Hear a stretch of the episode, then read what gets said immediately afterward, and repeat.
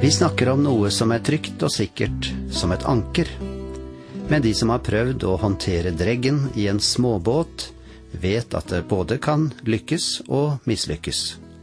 Kaster du dreggen på dypt vann, blir tauet for kort. Havner den på feil sted, på gjørme eller sandbunn, så glipper festet. Båten kan slite seg fordi festepunktet var for dårlig.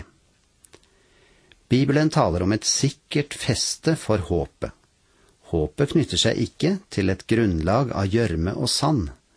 Det har sitt ankerpunkt i den evige verden, der Jesus Kristus har all makt og vil dra alle sine barn hjem til seg.